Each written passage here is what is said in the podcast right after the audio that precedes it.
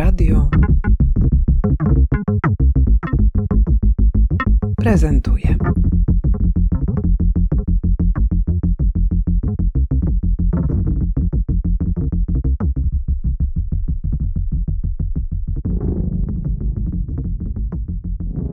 Sztuczna inteligencja nie odpowie na pytanie dlaczego, bo to jesteśmy, znajdujemy się w sferze motywacji ludzkich, a te nie poddają się analizie matematycznej póki co i mam nadzieję, że, że tak będzie do końca świata. Dzień dobry, nazywam się Piotr Siemion. A kim jestem? No to to jest podstawowe pytanie w buddyzmie Zen. Na szczęście nie jestem mnichem, to już jakaś negatywna informacja, ale informacja. Jestem pisarzem. Staram się być pisarzem. Nie jestem literatem zawodowym, jestem pisarzem. Piszę książki, które mają z wami zostać. Taka jest ambicja. Czy tak się dzieje? Chciałbym. Spotykamy się dlatego, że przyjąłeś nasze zaproszenie do udziału w dyżurze z autografem. To jest y, formuła dosyć czytelna. Przybywa autor, rozdaje autografy, spotyka się z czytelnikami i czytelniczkami. Czasami się to przeradza w bardzo dziwne i ciekawe spotkania o trudnym do przewidzenia scenariuszu. Czy jesteś na to gotów? Jestem gotowy na każdy scenariusz i nie wierzcie tym, którzy mówią, że a te wszystkie spotkania są zawsze takie same. Nieprawda. E, nawet wroga widownia potrafi być bardzo w rozmaity sposób e, źle nastawiona. Cóż dopiero widownia przyjazna, jaką jesteście. Twoja książka Bella Ciao, no porozmawiajmy o niej troszeczkę. Ona rzeczywiście ukazała się już jakiś czas temu. Nominowana była do wielu, wielu, wielu nagród i widzę ten marsowe czoło, że nominowana to wcale nie oznacza, że stałeś się laureatem, ale nominacje także dają widoczność, dają obecność w wymianie wiedzy o tym, jakie książki należy czytać. Jakie jest Twoje zdanie na ten temat? Trzeba być nagrodzonym, żeby być zadowolonym pisarzem? To po kolei, bo to poczułem się trochę, jakbyś mnie pocieszała. Jeszcze poproszę tego cukierka, może niemcwaja jakiegoś, żebym, żebym jednak Cukierka nie ma, dałam ci herbatę na cholesterol. Herbata jest e, tak, herbata sobie stygnie, a ja nie stygnę, tylko, bo rozmawialiśmy o tym, kto żyje, a kto nie żyje już. E, natomiast e, mówiąc językiem ludowym z e, filmu Chłopi na przykład, no strał pies nominacje i nagrody. Książka jest po to, i niektórym się książkom to udaje, żeby została między ludźmi, odzywała się w ich pamięci, odzywała się w ich zakamarkach tak zwanej duszy, a to, czy był uścisk prezesa i czek na 5 tysięcy złotych, to jest naprawdę wtórne, bo tym bardziej, że nie żyje, nie utrzymuje się z pisania.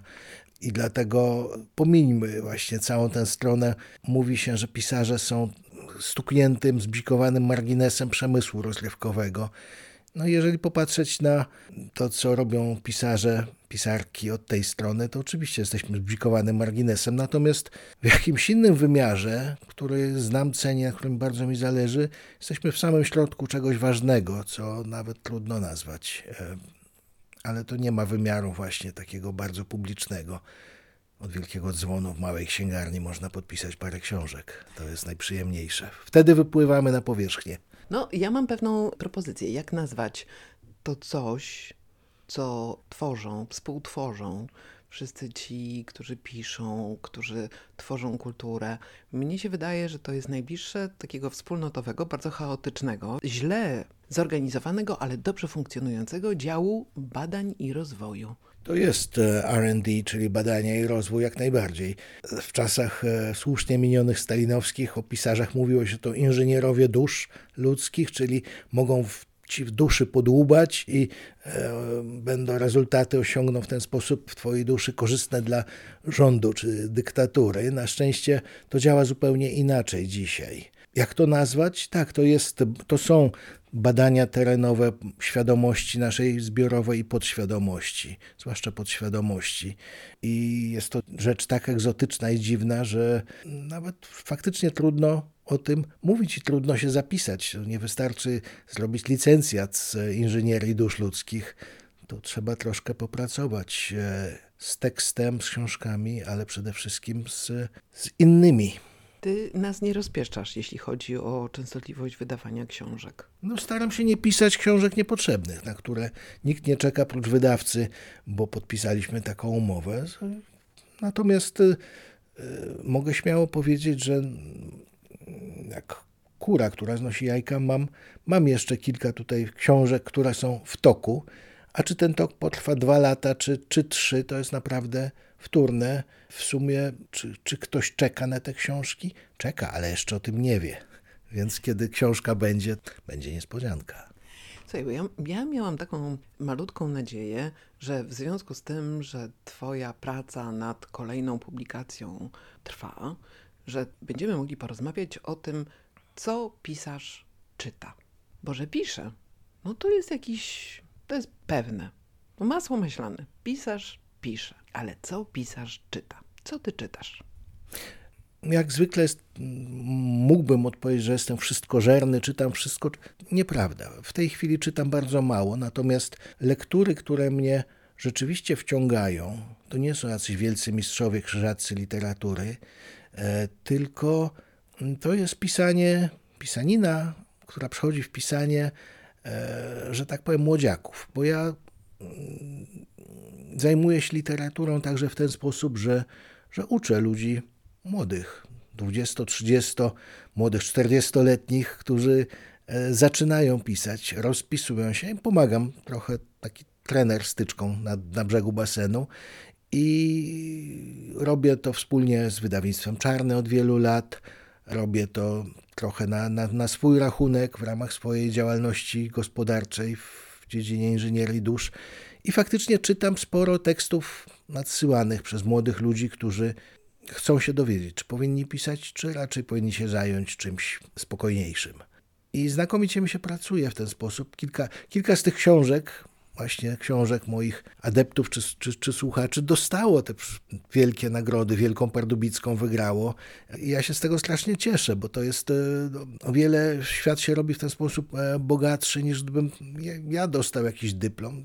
Dyplomów już mam parę, natomiast to, że ktoś, kto jeszcze nie ma żadnego w jakimś stopniu dzięki naszej wspólnej pracy dostał, no to jest, e, to mnie rajcuje, to mnie cieszy. Piotrze, czy w ogóle istnieje dobra odpowiedź na pytanie, czy warto pisać? No to tak jest pytanie w kalibru tego, czy warto jeść. No nie wszystko warto jeść, natomiast bez jedzenia i bez pisania i bez zrozumienia siebie, wszystkich warstw i słojów siebie i innych, to daleko nie zajedziemy. No, będziemy właśnie rodzajem trzody chlewnej przy karmniku. Natomiast e, czy, kiedy czytamy, nie chcę powiedzieć, że przechodzimy na wyższy poziom, ale chcę powiedzieć, że przechodzimy w inny wymiar i to jest przynajmniej dla mnie wymiar bardzo ciekawy. Dobrze. Wróćmy jednak troszkę do tego y, czytania. Ty nie tylko jesteś pisarzem, no i głównie tym zajmujesz się rzeczywiście twórczo od, od y, dobrych już kilkudziesięciu lat, ale także ja Cię poznałam w czasie, kiedy byłeś także znakomitym translatorem. Zajmowałeś się tłumaczeniem literatury anglojęzycznej. To jest trochę inny rodzaj pracy, to jest praca twórcza. Wiemy to już dzisiaj, kiedy nazwiska tłumaczy pojawiają się na okładkach książek. Ich praca jest tak uznana. Tak jest. Ale jest to trochę inna praca. I teraz, czy ty jeszcze kontynuujesz tę swoją praktykę? Czy tutaj znajdujesz dla siebie jakąś taką ciekawą przestrzeń? Ostatnio wróciłem do przekładu literackiego. Jestem w tej chwili, tłumaczę dla wydawnictwa Filtry książkę Majka McCormacka. Ona się będzie nazywała chyba Słoneczny Szkielet po polsku no, znakomita, nagradzana w Irlandii i poza nią powieść z, sprzed pięciu, sześciu lat. A dla mnie to jest taka taśma rozbiegówka, ponieważ e, ja muszę znowu wejść w, w różne rejestry języka i od takiej strony e, niespodziewanej, więc tutaj przekład literacki pozwala mi trochę się pogimnastykować. To jest taka yoga nie powiem, że pilates, bo to już nie ten wiek, ale taka, taka yoga pisarska i, i to mnie bardzo, bardzo cieszy i mimo, że terminy gonią, to nie jest pańszczyzna, tylko rodzaj takiego dla mnie nowego oddechu pisaniu, a kiedy skończę ten przekład, to wtedy będę właśnie z giętkim kręgosłupem pisarskim mógł się wziąć za, za swoją rzecz następną. Także ta sfora literackich psów się nie gryzie. One sobie bardzo ładnie, bardzo ładnie ciągną te sanki, które się nazywają literatura. No, ale musimy zdradzić tutaj tajemnicę trochę. Ty o tym nie powiedziałeś. Powiedziałeś, że nie utrzymujesz się z pisania. Y, ty wykonujesz zawód, który zajmuje się literą prawa. Tak? Zajmujesz się prawem. Jesteś prawnikiem. No, jestem prawnikiem za, zawodowo, zajmuję się doradztwem prawnym. Ostatnio zresztą w dziedzinach, w których prawo nie istnieje, to jest dużo zabawniejsze, bo każdy się zna na kodeksie cywilnym, każdy prawnik bądź kodeksie spółek handlowych. Natomiast na tym, jakie są aspekty prawne działania i stosowania sztucznej inteligencji, o tutaj e, po prostu tu zaczynamy od zera i tutaj można i tworzyć, i rzeźbić, i zmyślać. I tu się zaczyna bardzo ciekawa rozmowa. Dzisiaj kontrakty mm, z pisarzami, z tłumaczami zawierają już zapisy, i pewnie świetnie to śledzisz, które wykluczają udział sztucznej inteligencji w przygotowaniu pracy literackiej, czegoś, co ma się ukazać jako książka. Z drugiej strony środowiska sztuczno-inteligencjogenne, bądź też optymistyczno-entuzjastyczne pracują nad tym, żeby ułatwiać poprzez wykorzystanie sztucznej inteligencji publikację wiedzy, która w inny sposób miałaby jakieś trudności w tym, żeby nabrać formy. To jest bardzo ciekawy moment, w którym rzeczywiście ten optymizm trochę kłóci się, czy też y, występuje w roli no, takiego podejrzanego optymizmu z tymi, którzy jednak woleliby domenę twórczości zostawić tylko i wyłącznie ludziom. Powiedz proszę, jakie jest Twoje zdanie w tej sprawie? Ta dyskusja jest bardzo ciekawa. I, dopiero i, się zaczyna. Dopiero się zaczyna. Mhm. Ja widzę to w ten sposób, że sztuczna inteligencja, systemy oparte na sztucznej inteligencji będą, już są bardzo użytecznym narzędziem, ale narzędziem. Natomiast e, absolutnie nie zwalnia to nas e, z poszukiwań i skupiania się na obszarach, w których sztuczna inteligencja nie nadąża za, za nami, za umysłem ludzkim. Zresztą dam Ci taki przykład. Nie dalej jak wczoraj wieczorem przyszedł do mnie mój syn 11-letni z dość ponurą miną i powiedział, że w szkole kazano im napisać dalszy ciąg opowiadania Bolesława Prusa Katarynka. XIX-wiecznej takiej ramotki, którą z jakichś powodów muszą czytać w piątej klasie podstawówki. Siedliśmy do komputera, znaleźliśmy masę serwisów, w których te dalsze ciągi Katarynki były napisane. To ściąga taka, ściąga owaka, są takie strony w internecie. Potem siedliśmy do czata GTP wpisaliśmy zadanie, ChatGTP nas wypluł nam natychmiast e, historię o dalszych losach Wokulskiego. Ja wiem, że to jest inna książka. Lalka, Katarynka są wbrew pozorom dwie różne pozycje w dorobku Prusa, ale czatowi to nie przeszkadzało. Czaty zmyślają. To się nazywa, że halucynują. I dopiero wtedy zaczęliśmy się zastanawiać, skoro tyle tych narzędzi jest i skoro wyniki ich pracy na razie no, nie zasługują na szóstkę, taka mocna, mocna, mo, mocne trzy. Jeżeli pani akurat ma słaby dzień, to mocne trzy. I zaczęliśmy to pisać unplugged, bez pomocy maszyn. A najpierw zaczęliśmy o tym rozmawiać, o tym, jaki mógłby być i dlaczego dalszy ciąg Katarynki. Sztuczna inteligencja nie odpowie na pytanie dlaczego, bo to jesteśmy, znajdujemy się w sferze motywacji ludzkich, a te nie poddają się analizie matematycznej póki co i mam nadzieję, że, że tak będzie do końca świata. I jeszcze kawałek. Przywołałeś tutaj naszego sąsiada, Bolesława Prusa. Na Wilczej tak. jest tablica w miejscu, gdzie znajdował się dom, w którym on mieszkał, pisał, tworzył. Teraz biblioteka mieści się w tej, w tej kamienicy. I to jest rzeczywiście takie nawiązanie do transformowania też, do opowiadania rzeczy na nowo. To znaczy, że te, te czaty, że ta sztuczna inteligencja jest w stanie tylko i wyłącznie z, na bazie skonsumowanego materiału wytworzyć coś, co jest jego wariacją.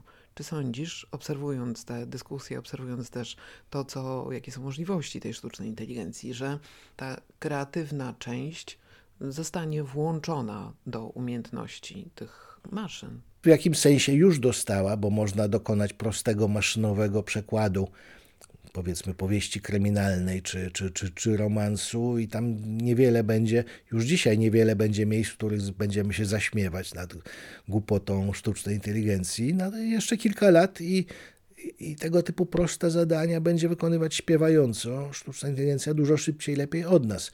Kto to będzie czytał? Być może będą specjalne odmiany sztucznej inteligencji, nie tylko do pisania romansów i kryminałów, ale do czytania. I wtedy będziemy zwolnieni już w ogóle z tego WF-u mentalnego. Natomiast e, sztuczna inteligencja z tego, co widzę, chociaż to jest bardziej instynktowne u mnie przeczucie, ona się słabo porusza w naszym oprogramowaniu ewolucyjnym, a nasze takim prosto z jaskini, w której mieszkaliśmy jako jaskiniowcy. Bardzo duża część naszych i motywacji, i emocji, i sposobów e, strukturyzowania świata bierze się właśnie z tych głębokich korzeni, z tamtych jaskiń i czego do siebie nawet nie dopuszczamy, a cóż dopiero nie, nie, nie zdradzamy się z tym wobec, ucząc sztuczną inteligencję, co nas naprawdę kręci. I bardzo jestem ciekaw, w jaki sposób, czy sztuczną inteligencję da się nauczyć obyczajów naszego gadziego mózgu, mózgu jaskiniowego. Zobaczymy. To się wszystko dopiero zaczyna i to jest świetna perspektywa dla kogoś, kto zamiast począć na laurach, to, bo w końcu tam 60 stuknęła, uczy się czegoś zupełnie nowego. Tak jak u Monty Pythona. A teraz coś zupełnie innego. A teraz właśnie z zupełnie innej beczki zaprosimy Cię do naszej księgarni, po to, żebyś tam stał się mm, nie tylko sobą, sobą pisarzem, sobą w swojej roli pisarskiej, ale także być może w roli księgarza. O, będziemy Zobaczymy, że jestem dobrym sprzedażowcem, bo napisać książkę prawie każdy głupi, a sprzedać? I to w dodatku taką, taką książkę, której opis już sam w sobie robi dużą ciekawość wobec tego, jak sobie wyobrażasz świat po kolejnych wojnach. To nie jest taki... Um... Normalnie ruiny, ludożercy, standard z gier komputerowych, z gier wideo, ale, ale jednak dzieje się to w Polsce. Więc tutaj jest dodatkowy taki kamyczek. Jak to? Na moim osiedlu też? Przede wszystkim na twoim osiedlu. bardzo dziękuję Ci za rozmowę. Dziękuję bardzo. Idziemy podpisywać. Kolejka po autografii już pewnie czeka. Już no, na tak, placu tak, krzyży się wija. Tak jest, no tak, tak chodźmy. Nagranie powstało w ramach projektu realizowanego przez Fundację Będzmiana dzięki dotacji od Urzędu Dzielnicy Śródmieście Miasta Stołecznego Warszawy.